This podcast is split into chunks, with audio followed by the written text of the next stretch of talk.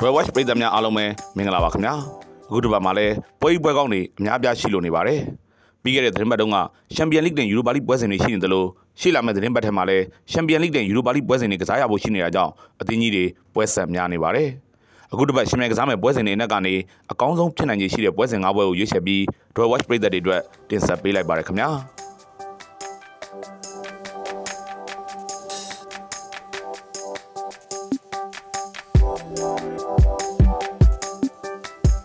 စပါနော့တင်ဟမ်ပြီးခဲ့တဲ့သတင်းပတ်တုန်းကစပါဟာဝူလ်ဗာဟန်တန်ကိုရှုံးချပစ်လိုက်ပါတယ်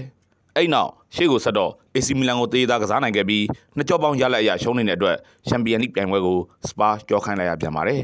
အခုကာလမှာတမ်မစင်ရရဲ့အတွက်အမှတ်ရှာဖွေနေတဲ့အသင်းတွေကအသေးအတန်တွေအားထည့်ကစားလာလို့အသင်းကြီးတချို့အခက်ပွေရတွေရှိနေတာကိုစပါသတိပြုရမှာပါနော်တင်ဟန်ကအရန်အင်အားတောင်းတင်းသလိုအခုနောက်ပိုင်းမှာလက်ခံနိုင်လောက်တဲ့ကစားမျိုးပြန်လည်ရရှိလာခဲ့ပါပြီ။ စပါးကအနိုင်သုံးမှတ်ရယူဖို့ကြိုးစားမှာဖြစ်ပြီးနော်တင်ဟန်ကတော့တေးတစ်မှတ်အတွက်ဥတီပါလိမ့်မယ်။စပါးကိုယုံကြည်လိုက်ကြပါ။ Crystal Palace Man City Crystal Palace လည်းရင်းနှီးနေပါပြီ။နောက်ဆုံးကစားခဲ့တဲ့ပြိုင်ပွဲအရရက်10ပွဲဆက်တာ Crystal Palace အနိုင်မရရှိခဲ့ပါဘူး။အခုတိုင်းဆိုရင် Crystal Palace ဟာတစ်ချက်လောက်ထမ်းမလိုက်တာနဲ့တန်းစင်းစုံပတ်ဝန်းကျင်စီရောင်းမှန်းမသိရောက်သွားတော့မှာပဲဖြစ်ပါတယ်။ Man City ကကစားပုံတည်ငြိမ်ပြီးသားပါ။ လက်ရှိမှာအာဆင်နယ်နဲ့အမှတ်ပြတ်တောက်မှုမြင့်တက်မသွားစေဖို့လက်ကျန်ပွဲစဉ်တိုင်းကို Man City အနိုင်ရထားမှသာစိတ်ရှာရပါလိမ့်မယ်။ဒါမှသာအာဆင်နယ်တစ်ချက်လောက်မှားသွားတာနဲ့အမှတ်ကွာချက်ရော့ကျသွားဖို့အခွင့်အလမ်းက Man City စီရောက်လာပါလိမ့်မယ်။ဒီပွဲက Man City ရဲ့ပွဲပါ။ Man City ဟာနှစ်ဂိုးဂိုးမရှိသုံးဂိုးတဂိုးလိုရလာမျိုးနဲ့အနိုင်ယူသွားပါလိမ့်မယ်ခင်ဗျာ။ Newcastle Wolverhampton န ယူးကာဆယ်လည်းရလက်တွေတဖြည်းဖြည်းချင်းဆိုးရွားလာတာကိုမြင်တွေ့နေရပါတယ်။အခုတိုင်းသာဆိုရင်ယူရိုပါလိဝင်ခွင့်တရစာရရှိနိုင်မှုတော့နယူးကာဆယ်မလွယ်တော့တော့ပါဘူး။အသင်းကအမှတ်ပေးစရာရဲ့အဆင့်ချောင်းနေရာမှာရှိနေပေမဲ့ရှီစွမ်းကရော့ကြတဲ့ရော့ကြလာလို့အခုပုံစံအတိုင်းသာဖယိုဖျဲရှေ့ဆက်ရင်နယူးကာဆယ်လုံးတယ်လို့မဖြစ်တော့လို့ဖြစ်တယ်လို့လုံးရတဲ့ကိန်းတွေကြုံဆုံလာပါလိမ့်မယ်။ဝူလ်ဗာဟန်တန်ဟာပြီးခဲ့တဲ့သတင်းပတ်တုန်းကစပါးကိုအနိုင်ယူထားတဲ့အသင်းပါ။လီဗာပူးပြီးတော့စပါး စပါးပြီးတော့နယူးကာဆယ်ဆိုတဲ့ပွဲဆက်ကဝူလ်ဗာဟန်တန်အတွက်ကြက်တဲလွန်လာပါတယ်။ဒီပွဲမှာနိုင်ပွဲနဲ့အတူနယူးကာဆယ်ပြန်လာလိမ့်မယ်လို့ယုံကြည်ထားပါတယ်။နယူးကာဆယ်ကိုအကြိုက်တွေ့နေမိပါတယ်ခင်ဗျာ။မန်ယူဆောက်တန်တန်မန်ယူဟာဂျာရက်တုံးကဘက်တင်နဲ့ယူရိုပါလိပွဲစဉ်ကို၄ဂိုးတကုန်းနဲ့အနိုင်ကစားပြီးပုံစံကောင်းတစ်ခုကိုပြသနိုင်ခဲ့ပါတယ်။ဒါဟာလီဗာပူးနဲ့ပွဲစဉ်တုန်းက9ဂိုးကိုမရှိနဲ့အပြတ်အသတ်ရင်းနေခဲ့ရတာကိုမန်ယူကလှင်းလင်းမြန်မြန်ကုစားလိုက်နိုင်ခြင်းပါပဲ။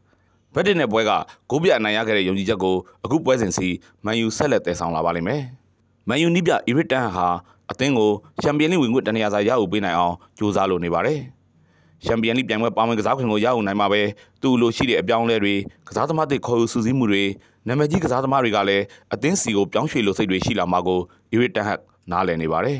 ။လက်ရှိမှာမန်ယူရင်ဆိုင်နေရတဲ့ပြဿနာကပွဲဆက်များမှုပါပဲ။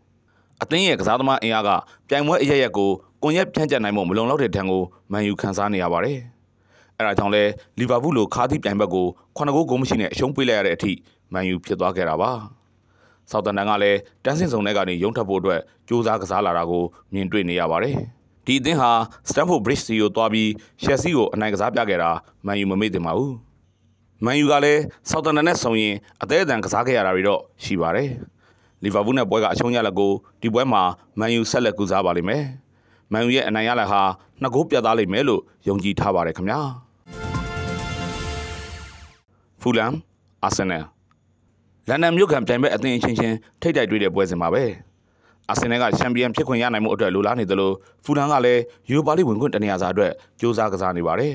။အာဆင်နယ်ဟာအမှတ်ပေးစရာကိုဥဆောင်ထားပေမဲ့ သူ့ကိုနောက်ကလိုက်ပြီးဖိအားပေးနေတာကမန်စီးတီးဖြစ်နေတဲ့အတွက်အလွဲမားတွေမဖြစ်အောင်တော့ဂယူးဆိုင်ရအောင်ပါပဲ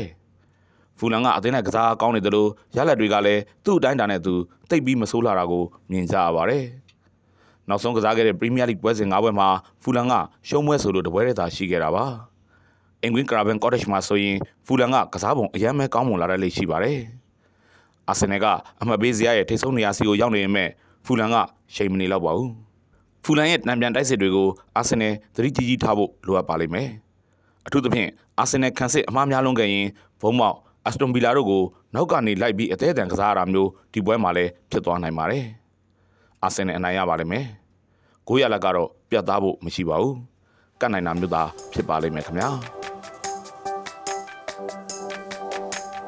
အခုဆိုရင်ဒီတစ်ပတ်ရှင်မြန်ကစားမယ်ပွဲစဉ်တွေအနက်ကအကောင်းဆုံးဖြစ်နိုင်ခြေရှိတဲ့ပွဲစဉ်၅ပွဲကိုအချက်အလက်တွေနဲ့တကွရွေးချယ်တင်ဆက်ပေးခဲ့ပြီးဖြစ်ပါတယ် Royal Watch ပရိသတ်တွေအားလုံးကံကောင်းမှုတွေနဲ့စုံစည်းနိုင်ပါစေကြောင်းလည်းဆုတောင်းပေးလိုက်ပါတယ်ခင်ဗျာ